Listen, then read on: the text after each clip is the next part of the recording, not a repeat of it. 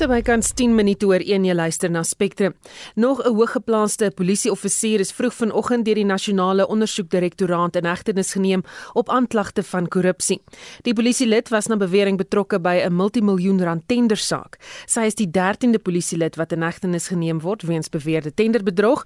Die woordvoerder van die ondersoekdirektoraat, Sindisiwe Twala, sê die tender het te maak met noodwaarskuwingstoerusting vir die polisie. A high ranking police officer has been arrested during a pre dawn raid at a house this morning. She's the 13th accused expected to appear before the Palm Ridge Magistrate Court on charges of corruption, fraud, theft, and money laundering. Her arrest and appearance relates to the supply of emergency warning equipment for the South African Police Services in 2017. The contract price and exposure to the police fiscus was 191 million. However, 65 million was paid to the service provider Instrumentation for Traffic Law Enforcement Pty Ltd. The payment of 22 million was stopped at an advanced stage of the investigating directorate's probe into the matter. She is the latest of nine police officers that stand accused in this particular case. En dit was die woordvoerder van die ondersoekdirektoraat Sindisiwe Twala. Die borgtog aansoek van pastoor Timothy Omotonso het vanoggend in die Hooggeregshof in Port Elizabeth hervat. Die saak is verlede week uitgestel. Omotonso se twee mede-beskuldigdes, Sikiswa Sito en Lusanda Solane het reeds borgtog ontvang. Vir die jongste oor die borgtog aansoek praat ons nou met ons Oos-Kaapse verslaggewer Veronica Fourie. Goeiemôre Veronica. Veronica Shida. Nee, vir my ons het 'n effense probleem. Ons kyk of ons dit kan regstel. Is uh, Veronica vir ons terug op die lyn daar? Nee, lyk like vir my ons het haar nie. Kom ons gaan aan na die volgende storie terwyl ons haar regkry vir hierdie onderhoud. Die staande komitee oor openbare rekeninge of terwyl skoor het tesorie gevra om sy ondersoek na moontlike korrupsie met die oprig van die heining by die Beitbrug grenspos af te handel. Die komitee het verlede week gesê hy is bekommerd oor hoe stadig die ondersoek vorder na die omstrede 40 miljoen rand projek van die departement van openbare werke en infrastruktuur. Die oprig van die heining was deel van 'n noodprosedure tydens die staat van inperking, maar 'n parlementêre besoek aan die grens het gevind dat die heining of die heining eerder nie die geld werd is wat daarop spandeer is nie. Die minister van openbare werke en infrastruktuur, Patricia de Lille, het intussen weer bevestig dat sy haar volle samewerking met die ondersoek gee en dit waardeer dat sy dat uh, verantwoordbaar gehou word. Die minister van verdediging, Nosiviwe Mapisa-Nkakula, het ook onderneem om terugvoer te gee oor die heining en die weermag se rol daarin. Sy sê verder sy wil 'n geleentheid hê vir die parlement om haarself te verdedig oor die Zimbabwe vlug. I have been silent. I'm silent because I am waiting for that opportunity which will be presented to me to answer questions, be it from parliament or even the public protector. Well, the public protector is also investigating this matter. For honorable Liz to to then already he's come to a conclusion about my fitness to hold office and, and everything. Well, I, I, I just think that the honorable member has a right to a view, but perhaps at this point in time, it I don't think it was necessary for him to be personal in the manner in which he has done. Sy het ontken dat haar besoek aan Zimbabwe 'n vakansie was. At the end of the day, when I present the facts on Zimbabwe, you will know and understand that I did not go to Zimbabwe to, to, to, to visit the Victoria Falls. I did not. I went to Zimbabwe precisely because of some of the issues which now we have identified here. But we are saying that discussion will be for another day. Mapisa Nkakula sê verder die onstabiele situasie in Zimbabwe beïnvloed Suid-Afrika op 'n groter skaal as wat enige iemand openlik wil erken. Sy sê dit het 'n direkte impak oor hoekom mense oor die grens stroom na Suid-Afrika. Sy sê dit bemoeilik soldate se werk. I don't know how I should explain this. The matter of people crossing the border, coming into South Africa to buy food, go being accompanied It's not like from the report I have received, I posed the same questions you have. How did you do it? How do you take them to transport available? Because that's what I was told, that they actually literally arranged for transport to take them to the border and arrange for them to cross back to Zimbabwe, right? From what I'm familiar with too in the area, It's an area where you'd have things, small places which sell food, this, that. I'm assuming that this is, um, I shouldn't be making an assumption, but I'm assuming that in they buy in the area and then they get them into these cars and they send them back. But that's all the information I will request because at the time, unfortunately, when we were discussing it with the Military Command Council, I was a bit annoyed because I was annoyed because I had seen it on social media. There was a footage on social media. So all I needed was clarity. What is this? Are you escorting people who are crossing the river? What is it?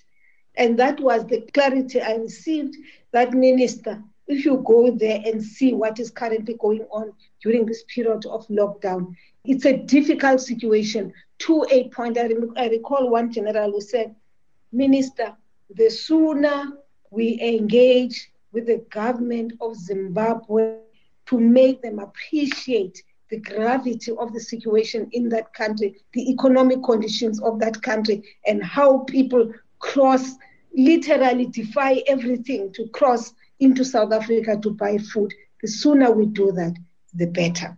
So I'm, I'm just saying that it's good, Chair, that you invited us here so that we can make those points so that we are aware of them. En dit was die minister van verdediging Nosiviwe Mapisa Nkakula. Nou ja, dit lyk vir my ons het nou vir Veronica Fourie op die lyn. Goeiemôre Veronica. Goeiemôre Susan. Ons praat met jou oor uh, pastoor Timothy Omotoso se saak. Het die borg aansoek momentum gekry na verlede week se uitstel? O, oh, jene baie stadig, maar dit het darm aan die gang gekom. Ons het darm vanoggend 'n uh, getuie gehad, die polisiebeampte wat uh, vir die valke werk, wat meeste van die uh, verklaringe afgeneem het van die beweerde slagoffers en sy het hier in die hof getuig dat sy uh, die hele regte proses volg om verklaringe af te neem en die uh, die verdediging het vir haar gevra sê nou maar 'n getuie vertel vir jou dat sy 10 keer seksueel misbruik is sal jy dit net een keer noem of sal jy al die gevalle noem? Dis sê sy nee sy sal al die gevalle noem. Hoewel sy vroeër getuig het dat sy na alles luister en dan 'n opsomming maak daarvan. Uh, dit was nou die belangrike ding daarvan gewees en daarna ehm um, het die staat nou ehm um, hulle uh, eerste getuie geroep en dit is ehm um, adjutant offisier Pieter Plaatjies. Hy is die ondersoekbeampte vir die valke in hierdie saak en hy is nou ehm um, geroep omdat hy nou moet getuig hoekom uh, hy nie hoekom om dit alsa nie met borg kry nie. So hy gesê wel al uh, hy het getuig in die eerste borg aansoek, hierdie is natuurlik nou die derde ene en hy het gesê al die redes van die eerste uh, borg aansoek wat nie geslaag het nie staan nog steeds en dit behels onder andere dat hy 'n vlugrisiko is omdat hy nie 'n vaste adres het nie. En dit hy verduidelik hoe hulle vir hom gevra wat is jou adres toe hulle hom in hegtenis geneem het. So hy gesê nee, hy kan nie die adres onthou nie, hulle moet dit vir sy vrou vra. Sy vrou het vir hulle adres gegee wat hulle toe nooit kon opspoor nie. Hulle het wel by van die slagoffers gehoor van 'n huis waar hy nou gebly het saam met 11 van die jong meisies. Hulle het sy klere daar gekry en dit was duidelik dat hy daar in 'n kamer gebly het en ehm um, hy het nooit die adres verklaar nie. So dit hy daarop dat hy, volgens uh, plaatjies dat hy nie 'n vaste adres het nie. En verder het hy gesê ehm um, hy het geen wettige dokumente nie. Met ander woorde hy is 'n onwettige immigrant op hierdie stadium in die land.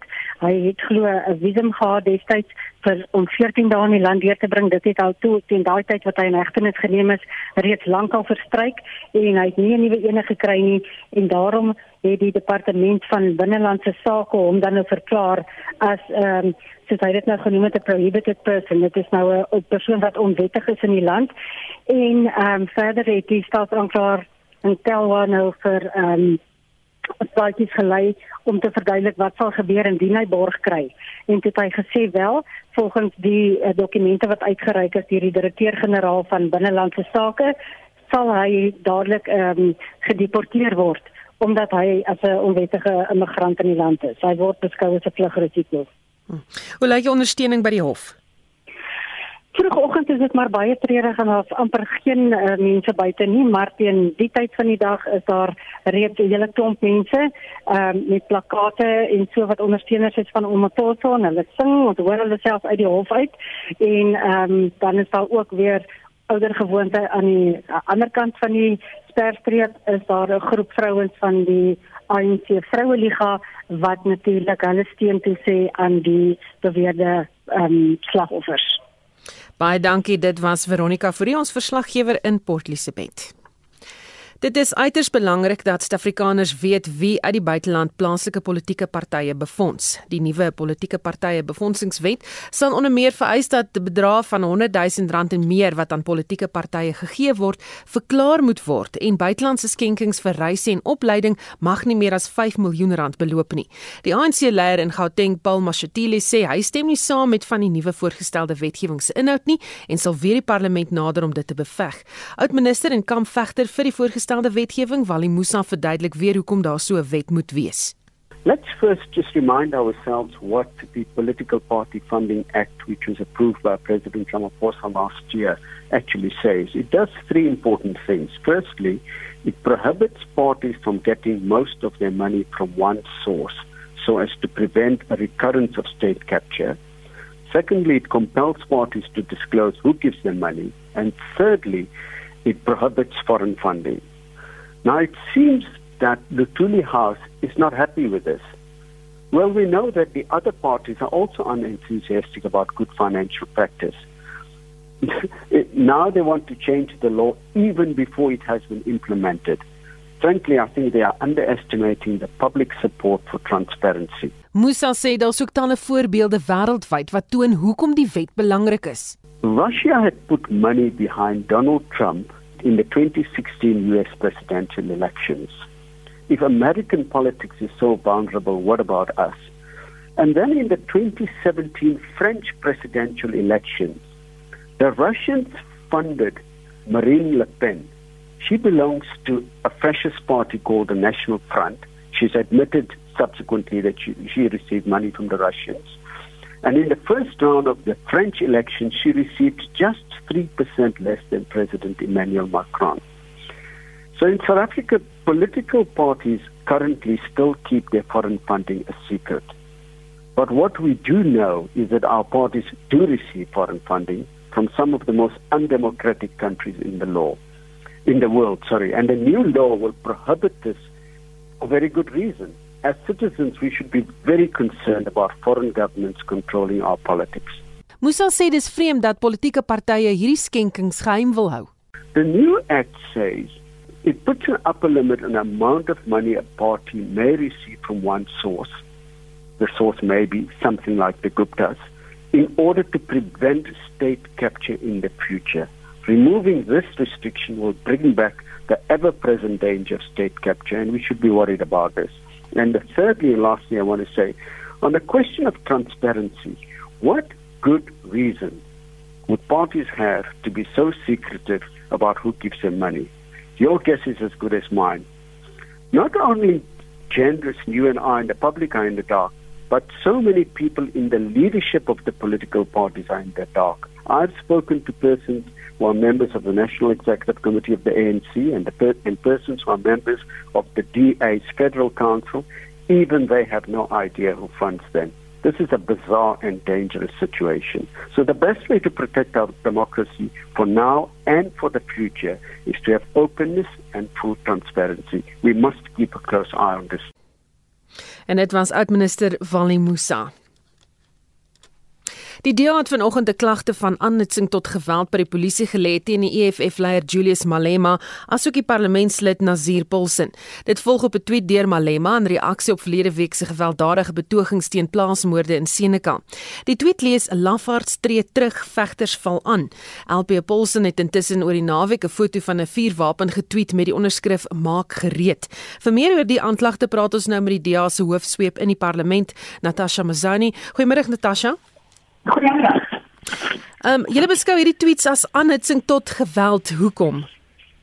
Wel, die feit van die saak is as jy 'n tweet uitsit wat sê um attack now of ready to attack of jy sit 'n tweet op met 'n AK47 of jy sit soos Nazir Paul sê 'n video van 'n AK47 wat uh, hy besig is om te skiet en dan 'n uh, 'n gewone hand revolver ook wat iemand langs hom skiet dit sê vir my dis 'n incitement to violence as ook 'n call to war en dit vir my hoogs hoogs irresponsible spesifiek in hierdie tye wanneer rassiese tensie in in die land op die hoogste is wat dit nog ooit was en in 'n tyd wanneer mense baie bang is um, om om om om vir die waarheid vir jou te sê.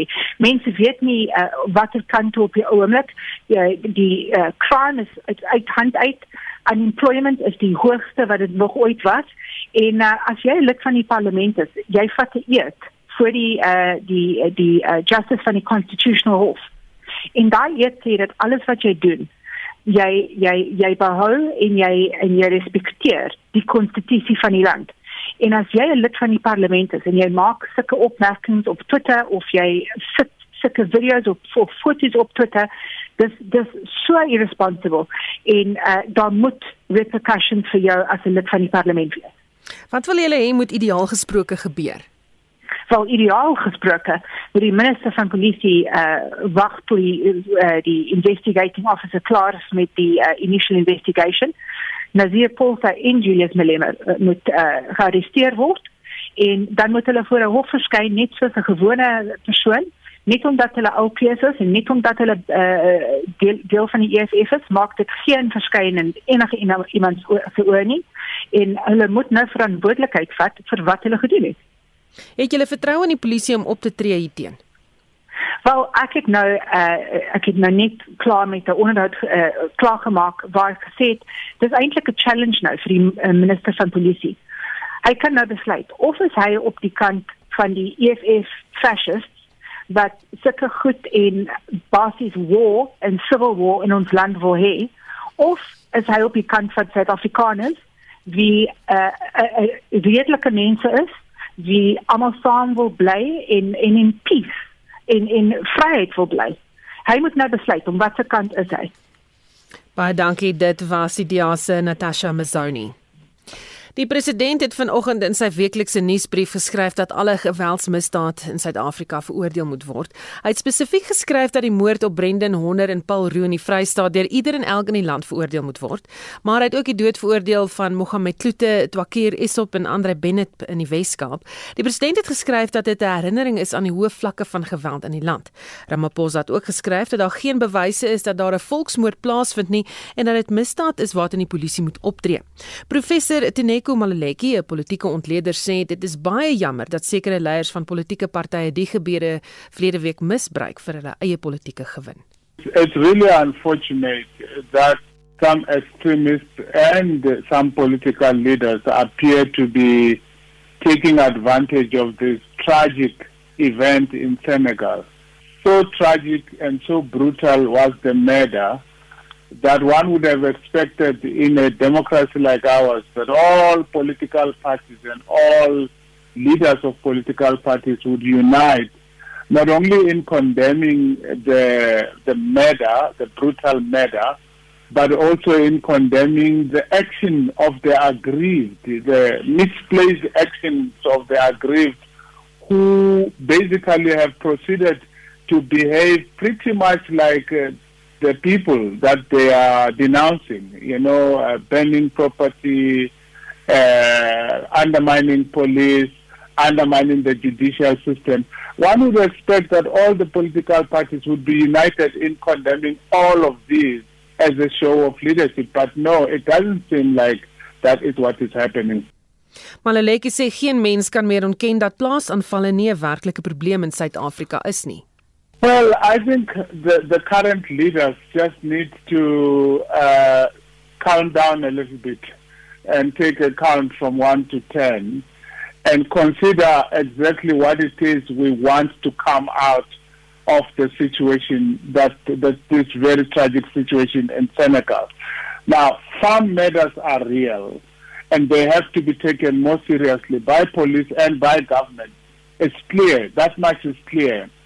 Uh, and if we thought it wasn't uh, a, a, real problem, certainly the brutal murder of this young uh, farm manager uh, has, has driven that point home uh, for all of us.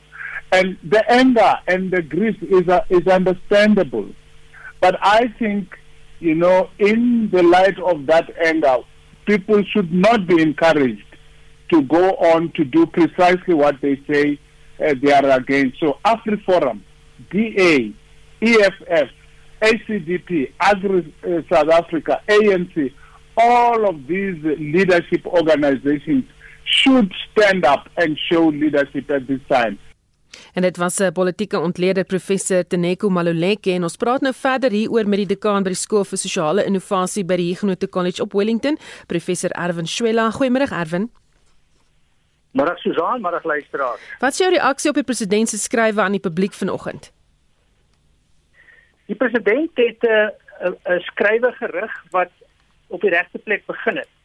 En absoluut hierdie verskriklike daad uh, veroordeel het. Wat ek wel nogal jammer vind is dat die president toe uiteindelik wel teruggaan en dit kontekstualiseer teen ander moorde en alle moorde maak saak. Ons sê dit wel. Maar terselfdertyd doen dit tog afbreek aan die ek wil amper sê direkte en baie duidelike veroordeling van hierdie daad. Dit was dalk 'n geleentheid vir die president wat nie gerealiseer het nie om net te praat op 'n empatiese, deernisvolle wyse oor hierdie verskriklike moord en uiteindelik te sê dat ons moet alle moorde veroordeel ja, maar dit dan nie weer binne 'n bepaalde konteks te probeer plaas van om by die gevolgtrekking uit te kom ons die gevolgtrekking is alle moorde moet veroordeel word dit doen tog wel onder die omstandighede 'n bietjie afbreek aan die feit dat hierdie 'n verskriklike moord was en miskien was dit 'n geleentheid wat nou nie gebruik is nie om regtig te sê ons moet saam staan alle moorde veroordeel. Hierdie was 'n verskriklike moord en uiteindelik moet ons dan opbou tot empatiese kom kommunikasie maar ook doelgerigte kommunikasie. Ek het 'n bietjie gaan lees oor propaganda en as jy mens kyk na die beste voorbeeld van waar hierdie goed totaal verkeerd geloop het, is Rwanda waar die uh, Houthis uh, uh, uh, Assad-moorde aangemoedig het. So ons moet wegkom van daai framing of the argument. Ons sê menselewens is belangrik en ons as leiers en my kollega wat nou net gepraat het, het ook gesê, hierdie het almal die verantwoordelikheid om te begin praat oor harmonie, oor deernis, oor samewerking en uiteindelik oor 'n um, vreedsame en 'n kohesiewe samelewing. As mens kyk na gebeure en gesprekke tans op sosiale media, politieke leiers wat foto's met wapens van hulle self plaas en so gaan dit aan, wie oorheers tans hierdie gesprek?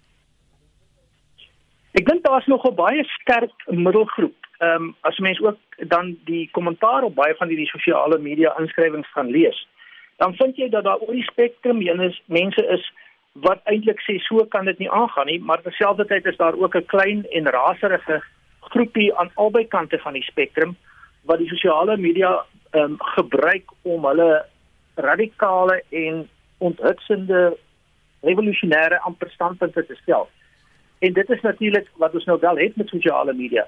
Dis ook weer interessant om die vergelyking te trek tussen die Rwanda voorbeeld waar die massamedia wat toegebruik was op die radio is, maar op hierdie stadium is sosiale media eintlik 'n baie onbetroubare en ook onbeheerde medium waar hierdie goed aangerits kan word. Daar is nie 'n wyse waarop dit geregverdig kan word dat hierdie soort plasings plaasvind nie. En as dit nou deur 'n soort uh lunatic fringe, 'n soort mallerige randfigure, groep randfigure gebruik word. Is dit een ding. Maar wanneer dit gebruik word deur mense wat 'n uh, eed gesweer het aan die grondwet van die Republiek van Suid-Afrika wanneer hulle parlementslede word, nou ja, dan is dit verregaande en verdien dit ook optrede van die parlement as 'n instelling van ons grondwetlike regstaat en as dit dan op daardie manier dan hanteer moet word dan is dit ook reg so. Wie en wat moet nou kophou hier? Ek dink almal moet die spel stadiger maak. Uh ons sien hier 'n baie definitiewe opbou en 'n eskalasie en ehm um, as 'n mens gaan kyk na wat wat daaroor uh in terme van uh, verklaringe bestaan, daar is reeds soveel strukturele spanning in ons samelewing. Soveel uh verdeeldheid. As jy dan nou tweedens kry dat hierdie ding opbou en dat daai gevoelens deur media aangewakker word. As jy derdens kry dat die beheerinstellings gestaat soos die polisie en die nasionale vervolgingsgesag dit wil ons nie slaag daarin om hierdie goed te beheer nie. As jy in elk geval nie 'n sterk samebindende stel waardes het en leiers nie, dan kan jy baie maklik kry dat daar 'n finale vonk in die kruitvat kom en dat hierdie hele ding ontplof. So vir die volgende Senekaal verhoor moet almal regtig ernstig gaan kyk na wat hulle hier wil sien gebeur want dit het die moontlikheid om daai vonk in die kruitgat te word en hierdie hele dinamika te versterk tot ons almal se nadeel. Ek wens sommer soms dat ons so 'n plek kan oopmaak iewers op 'n vlakte iewers. Uh, ek dink geen vlakte wil dit hê nie. Waar, waar mense hierdie mense van die die die lunatic fringes kan insit dat hulle die ding met mekaar uitbeklei en dat ons net met rus laat. Dit gaan nou nie gebeur nie, dis 'n idealistiese siening. Maar dink daar's 'n groot middelgroep van verantwoordelike mense oor grense heen wat nie hierdie goed wil sien gebeur nie en diegene wat dit aan is behoort die gevolge van hulle dade te dra want hulle is besig met doodsgevaarlike gedrag. Die rol van die polisie en alles. Uh, baie sê hulle doen hulle werk nie, maar tog sien ons dat daar vinnig arrestasies plaasvind in groot sake. Kort na Brendan Honder se dood is mense vasgetrek. Ons het 'n groot saak in Limpopo, daar's vinnig mense vasgetrek. Is die kritiek geregverdig? Ek dink eh, daar word soms onnodig ook kritiek teenoor die polisie uitgespreek en ek dink ook daar's pogings om dit reg te stel. Ons weet van gesprekke voor hierdie gebeure uh, met eh uh, die kommissaris van polisie uh, wat nie noodwendig ook opgevolg word deur die minister van polisie generaal Chelly nie, maar daar daar was eintlik vordering. En ek dink die polisie is bedag daarop dat dat hulle beeld hieraan beoordeel word. Terselfdertyd as 'n mens dit sê dan hoor jy net ook te veel ander gerugte waar sê dat in die geval is daar ook polisie betrokkeheid by byvoorbeeld van die misdade. Ehm um, waarvoor daar getuienis was. So die polisie in 'n sekere sin het 'n mengdeel hier. Ehm um, 'n mens sal eintlik uh, wou hoop en uiteindelik vra dat dat hulle baie sterker werk aan hulle professionaliteit.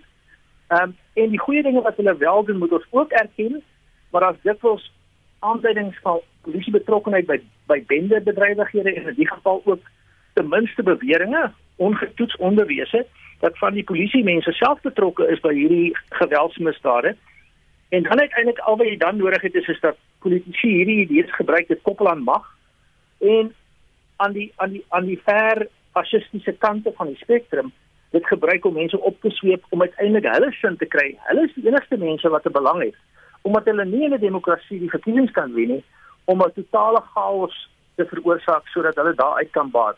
Dis die ding wat hulle gaan baat. Terug vir die polisie. Die polisie dink ek is bedag daarop dat hulle nou baie beter moet doen, maar daar's nog ook veel ruimte vir verdere verbetering. Baie dankie. Dit was die dekaan by die skool vir sosiale innovasie by die Huguenot College op Wellington, professor Erwin Schwella. Jy luister na Spectrum elke weekmiddag tussen 1 en 2.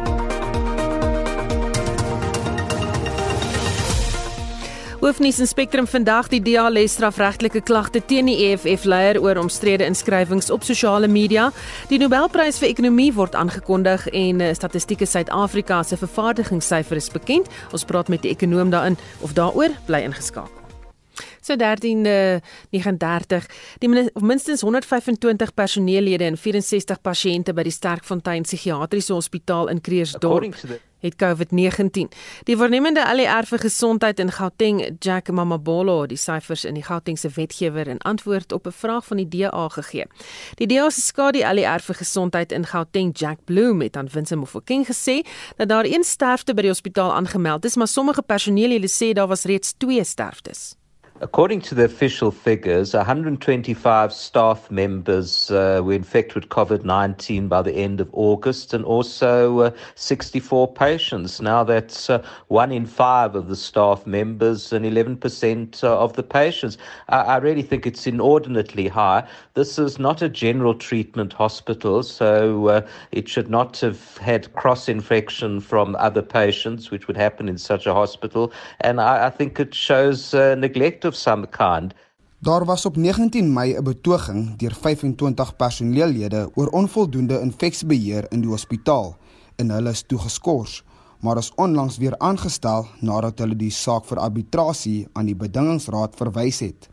The Gauteng Health Department has now reinstated the 25 staff members who protested against lack of PPE earlier this year. I think this shows that they actually had a point, but I really think that we need to follow it up with the management of this hospital. How could it be that we have such high infection both among staff and patients in a hospital that doesn't treat uh, anybody else but mental health patients?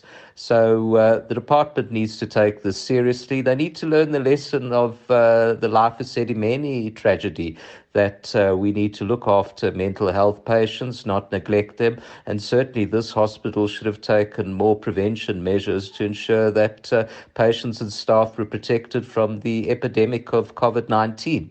Hoewel Mama Bolo beweer dat voldoende persoonlike beskermende toerusting aan die hospitaal verskaf is, sê Bloem 'n ondersoek is nodig. I think there needs to be an investigation as to why there was such a high COVID 19 infection rate at the Stackfontein Mental Hospital. Nearly one in five staff members and 11% of the patients. This is not a general treatment hospital, so it should really have not been so high. And already staff demonstrated against inadequate PPE earlier this year. I really think that uh, there's a problem with the infection rate at that hospital that needs a proper investigation. And it's very sad that we didn't learn from the life of Sedimeni tragedy to, to ensure that mental health facilities are, are done properly. Dit was die DA se skadu LER vir gesondheid in Gauteng, Jack Bloem. Vincent Mofokeng, SAICanis. Statistieke Suid-Afrika het pas die jongste vervaardigingssyfers bekend gemaak en vir meer besonderhede daaroor praat ons nou met Lisette Eysel de Schepper. Sy is 'n senior ekonom verbonde aan die Buro vir Ekonomiese Ondersoek in Stellenbosch. Goeiemôre Lisette. Goeiemôre Susan. Hoe vertoon die syfers? Die syfers het bietjie swakker uitgekom as wat die konsensus vir uitskatting was. Produksie het uh, nog steeds 10.8% geval op 'n jaarlikse basis. So dit was steeds amper 11% laer as wat dit was in Augustus verlede jaar. En as ons kyk op maand op maand basis, so hoe dit vergelyk met Julie, het groei ook verlangsaam. Dit het 6% toegeneem, so dit is steeds positiewe groei, maar onthou 'n maand of twee terug het produksie nog met 20-28% toegeneem. So daai momentum is ook besig om te verlangsaam. Hmm. Is daar 'n sektor in besonder wat vir jou uitgestaan het? Daar is aan aan die negatiewe kant is dit seker die motorvoertuie en toebehore sektor wat steeds baie swak doen. Eh uh, produksie was 30% laer op 'n jaarlikse basis. Dit is baie beter as die 100% afname wat ons gesien het in April, maar steeds baie swak. Eh uh, ander sektore wat skerp afneem, die staalbedryf en hout en papiervervaardiging wat beide met 12% geval het. Nou aan die positiewe kant is daar 'n paar vervaardigers in die chemikaliebedryf wat wel positiewe groei gesien het. En dit sluit produkte in soos hand sanitizer, uh, maar ook produkte wat byvoorbeeld aan die landbou of mynboubedryf verskaf word. So daai sektore het bietjie beter gedoen. Kan ons die impak van die Grendelstaat met ander woorde hier sien? Ja, ek dink elke wat ons nou afgeweeg het na 'n laer vlak het ons hierdie natuurlike hupstootjie gesien en dit is hoekom ons steeds elke keer hy maand op maand groei sien. Die groot vraag is hoe dit nou gaan lyk vorentoe. Ons het nou middel September afgeweeg na vlak 1. Lyk nie asof hy hierdie maand veel gaan verander wat die vervaardigingssektor spesifiek gaan gaan help nie. So die probleem is dat jy dit nou kan dat dit nou kan begin afvlak op 'n vlak wat baie laer is sien dit voor die hele krisis omgetref het. Baie dankie. Dit was Lisette Eichel de Schepper, 'n senior ekonom van die Buro vir Ekonomiese Ondersoek in Stellenbosch. Ons maak 'n draai op die sportveld met Shaun Jooste. Rugbynuus. Die Lions het bevestig dat die skrimskakel Dylan Smith 'n spesialis sal raadpleeg nadat hy sy skouer tydens Vrydag se 1916 nederlaag in die plaaslike Super Rugby reeks teen die Sharks beseer het. Smith sal waarskynlik vir 'n ruk lank op die kantlyn moet sit. Sokker. Die voormalige Kaizer Chiefs breier Steve Kompella het vanoggend aangekondig dat hy by Mamelodi Sundowns as senior afrigter aangesluit het. Dit kom nadat Kompella gister as hoofafrigter van Golden Arrows bedank het. Op die cricketveld pak die Royal Challengers Bangalore en Kolkata Knight Riders mekaar vanmiddag 4uur in Sharjah in die EPL reeks. En op die tennisbaan is daar 'n paar manstoernooie wat hierde week plaasvind onder andere die St Petersburg Ope in Rusland waar die Brit Daniel Evans vanmiddag teen Stanislas Wawrinka van Switserland te staan kom en die binnenshuise toernooi in Duitsland waar Suid-Afrika se Lloyd Harris en die dubbelspeler Ryan Klassen môre in aksie is. En laastens in motorsportnuus. Die Italiaanse Formule 1 span Ferrari het bevestig dat hulle besig is om 'n nuwe enjin vir die 2021 seisoen te ontwikkel en dat hulle beter behoort te vaar op die baan. Nuwe parte word ontwikkel en ook al getoets. Ferrari het 'n beter naweek in Duitsland beleef toe Charles Leclerc 4de gekwalifiseer het en algeheel 7de geëindig het. En dit was Shaun Jooste van RSG Sport. Sommige motoriste in Gauteng sê hulle sukkel nou reeds weke lank om aanlyn afsprake te maak om hulle rybewyse te hernie. Heel party bestuurders sê daar is eenvoudig geen tydsgelewe op die koöperasie vir padverkeer bestuur se webtuise om van te kies nie. Die woordvoerder van die Gautengse departement van vervoer, Theo Nkonke, het aan Marlenae Forsie gesê weens die pandemie moet 'n reuse agterstand ingehaal word sonder dat massas mense aan 'n lisensiekantore stroom. Dit is egter nie die departement se enigste uitdaging nie.